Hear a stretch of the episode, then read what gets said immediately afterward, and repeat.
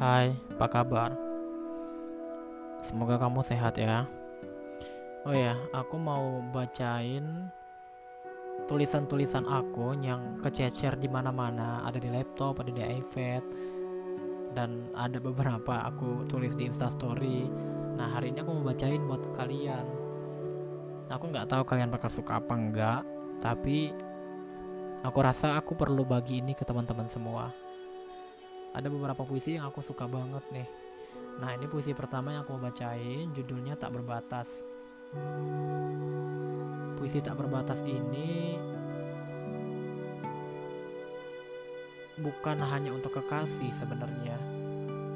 Bisa aja untuk ibu atau untuk ayahnya atau untuk uh, siapa pun yang kalian cintai sebenarnya sih ya izinkan aku untuk membacakannya untukmu ya. Mohon maaf nih kalau seandainya kurang bagus. Karena ini aku baru pertama kali baca puisi on air. Semoga suka ya. Bismillahirrahmanirrahim.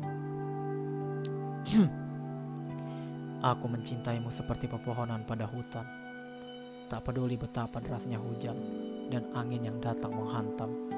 Ia sudah tertanam dan menghujam seperti pendeta pada Alkitab atau seperti kiai dengan tasbihnya. Memisahkannya niscaya akan turun murka. Aku juga mencintaimu seperti tentara pada senjatanya saat perang berkecamuk. Sesaat saja melepaskannya pastilah akan hancur dan remuk. Aku juga mencintaimu saat kita di tengah hutan rimba yang gelap, sunyi, sepi, tak berpenghuni. Di lautan luas tak bertepi, di musim panas, dingin, gugur, dan semi saat meja makan kita hanya ada buah kecapi, buah anggur, atau buah delima. Semua sama saja.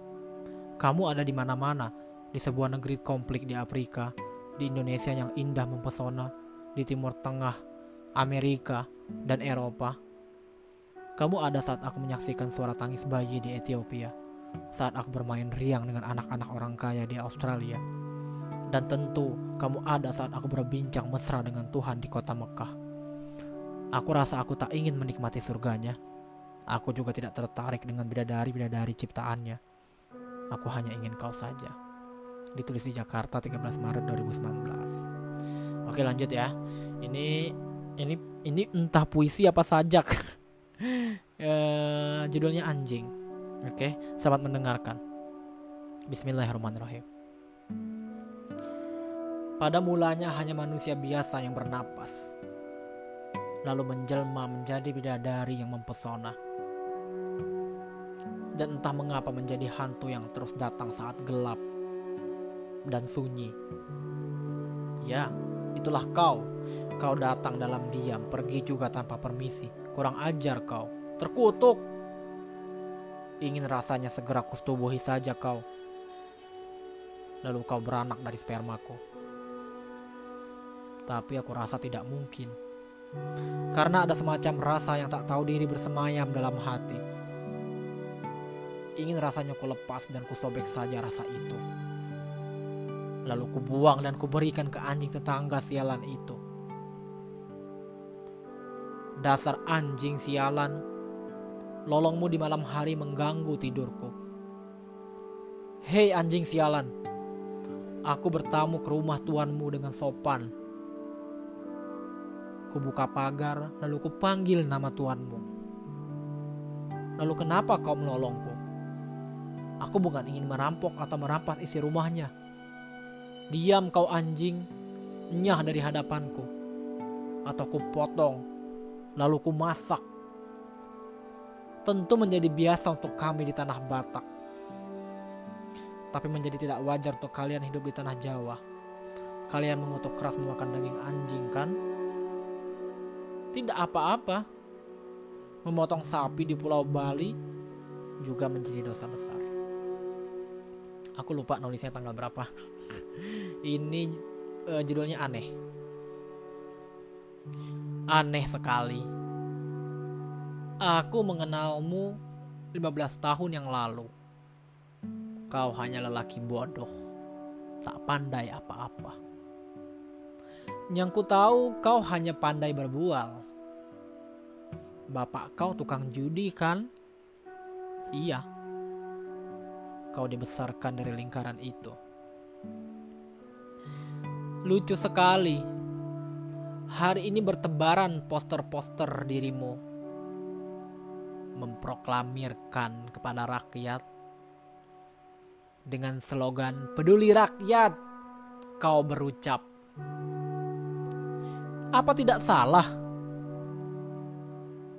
Peduli rakyat yang mana? Berhentilah membual. Aku tahu kau hanya ingin memperkaya diri. Bukan mengabdikan diri kan? Tak akan maju negeri ini jika menjadi wakil rakyat kau jadikan alat meloloskan proyek-proyek yang menguntungkanmu. Aku bela rakyat, kau berucap lantang di atas mimbar. Aku ulangi, aku bela rakyat, kau berucap lantang di atas mimbar. Apa tidak salah? Rakyat mana yang kau bela? Keluargamu, istrimu, sahabatmu, kakak iparmu, pakdimu, budimu, adekmu, atau biduan-biduan itu. oh iya saya lupa mereka juga rakyatmu. Tapi aku berpesan kepada kawan-kawanku, jangan pilih berdebah ini. Karena kalian bukan rakyatnya. Oke. Ini puisi aku tulis juga uh, aku lupa aku kadang-kadang lupa nanggalin kalau nulis puisi judulnya agama baru cuman aku aku rasa sih aku nulis puisi ini inspirasinya Desember 2018 kayak kisaran tanggal 12 oke okay. surga neraka selalu menjadi alasan anak manusia menyembahnya. Lalu pertanyaannya bagaimana jika keduanya tidak ada? Dan bagaimana kalau itu semua tidak benar? Entahlah. Pagi kau lantunkan doa-doa dengan bahasa suci kitabmu. Sorenya kau mencaci dengan bahasa suci kaummu juga. Teriakan bakar, bunuh, gantung keluar dari mulutmu yang tadi pagi kau lantunkan pujian kepada Tuhanmu dengan pengeras suara itu. Lalu si biadab tetanggamu terganggu dengan celotehmu. Dengan gampangnya kau tetapkan dia menjadi penghuni neraka. Dasar kafarok kau. Kau berucap. Padahal kau dan dia sama biadabnya menurutku. Saya masih teringat 20 tahun yang lalu. Ahli agama yang saya kenal anti bicara seperti kau. Namun hari ini mereka sudah mati. Atau mungkin mereka sudah menganut agama baru. Yang jelas bukan agamaku. ini uh, puisi yang keberapa ya? Keempat Puisi keempat judulnya Beta. Senja tampak menguning, ilalang tampak bergoyang diterjang angin. Lalu tiba-tiba terlihat di antara itu semua. Aku diam saja. Kupikir kau tidak penting. Aku lebih memilih melanjutkan halaman yang sudah terlanjur kubuka. Kuselesaikan saja. Namun ketika kubuka halaman berikutnya ada cerita tentang Beta. Gadis Malang dari desa Cikoneng. Desa kecil dengan bukit, dan mata air yang indah dan kebun teh yang hijau, udara yang segar. Beta anak SD yang pemalu. Senin pagi Beta pergi ke sekolah. Sialnya, Beta lupa membawa dasi. Padahal Beta menjadi petugas pembawa bendera. Aduh, Beta, Beta. Lalu dengan wajah pucat Beta memberanikan diri menghadap sang guru. Ah, sial sekali. Guru Beta ternyata si bodoh yang pemarah. Dia lalu mencaci dan menghardik. Dasar bodoh! Mengapa bisa?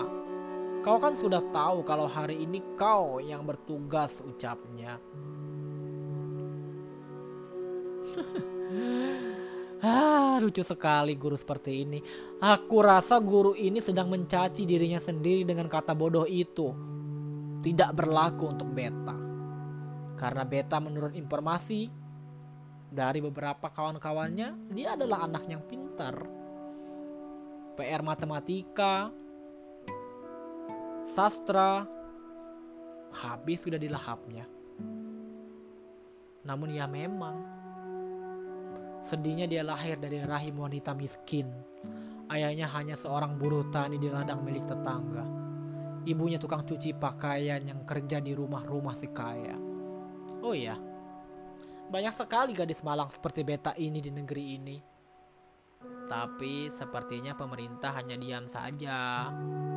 Mereka sibuk mengurus ibu kota baru. Mereka itu seperti bisu dan tuli. Atau sudah benar-benar buta dan tuli. Tidak melihat, tidak mendengar. Anak-anak pedalaman pergi ke sekolah tanpa alas kaki, jembatan-jembatan penyeberangan dari bambu dan tali. Saya tahu permasalahannya sebenarnya kawan. Mau tahu? Permasalahannya adalah karena kepala desa yang durjana itu memakan anggaran desa, memperkaya dirinya dan keluarga. Dia pergi keluar kota, menginap di villa dan hotel mewah. Dia tinggalkan desa dan rakyatnya. Padahal beras pun rakyatnya tak punya. Kepala desa berdebah anjing sialan bangsat laknat. Siapa yang pilih kau? Kau kemanakan anggaran desa? Kau buat apa? Di mana pembangunan jalan-jalan yang harusnya kau buat? Banyak para lansia tua yang perlu berobat. Banyak beta-beta yang perlu lanjut sekolah. Harusnya bisa kau kelola dana desa yang kau punya. Itu bukan uang tunjangan keluarga kau kepala desa anjing. Saya doakan semoga Tuhan memampuskan kau dalam keadaan miskin kepala desa laknat. Mati kau besok, tak sudi aku melakyatmu di dalam hati. Pedih melihat beta-beta itu tak mampu melanjutkan sekolahnya. Saat kau mati, dalam tanah sehari, para cacing itu pasti akan memakanmu dengan lahap kepala desa anjing. Ya, itulah puisi uh, atau sajak yang uh, saya tulis. Ada lagi uh, sajak lain yang saya tulis. Ini cerita uh, sa saya tulis 16 Maret 2020 saat corona. Ini uh, saya bacain ya. Saya bacain ini terakhir nih. Semoga suka. Kalau mau ketawa ketawa aja nggak apa-apa. Judulnya Corona Laknat. Senja yang dingin di Jakarta Selatan. Matahari mulai pelan-pelan menghilang dan meninggalkan cahaya di bumi. Langit kuning anggun terlihat.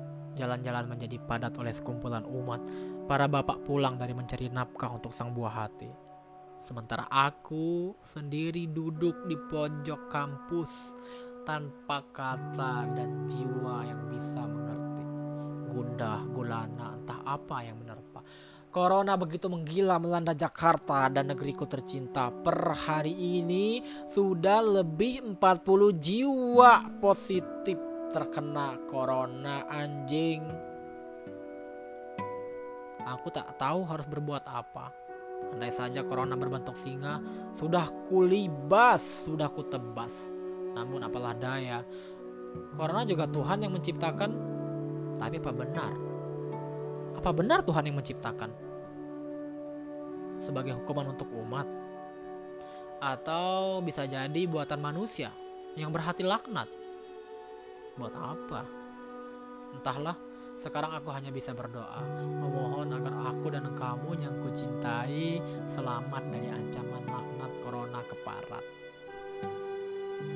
Itu aja ya. E, kalau kawan-kawan e, mau aku baca puisi yang lebih serius, uh, silakan email atau WhatsApp. Nanti aku cariin uh, orang yang tepat untuk bacain puisi-puisi aku yang gak seberapa ini. Aku suka nulis, cuman aku nggak punya bakat untuk bacain puisi aku sendiri. Terima kasih ya kawan-kawan, semoga suka. Oh ya, by the way, aku bikin podcast ini uh, dini hari karena ins insomnia parah, aku nggak bisa tidur dari sore. Sekarang jam 2.40 tanggal 7 Mei. Puasa ke-13. Iya, puasa ke-13 ya bulan puasa nih kawan-kawan ya. Terima kasih ya kawan-kawan. Jangan lupa di di share ke teman-teman yang lain. Uh, semoga suka dengan konten-konten yang ada.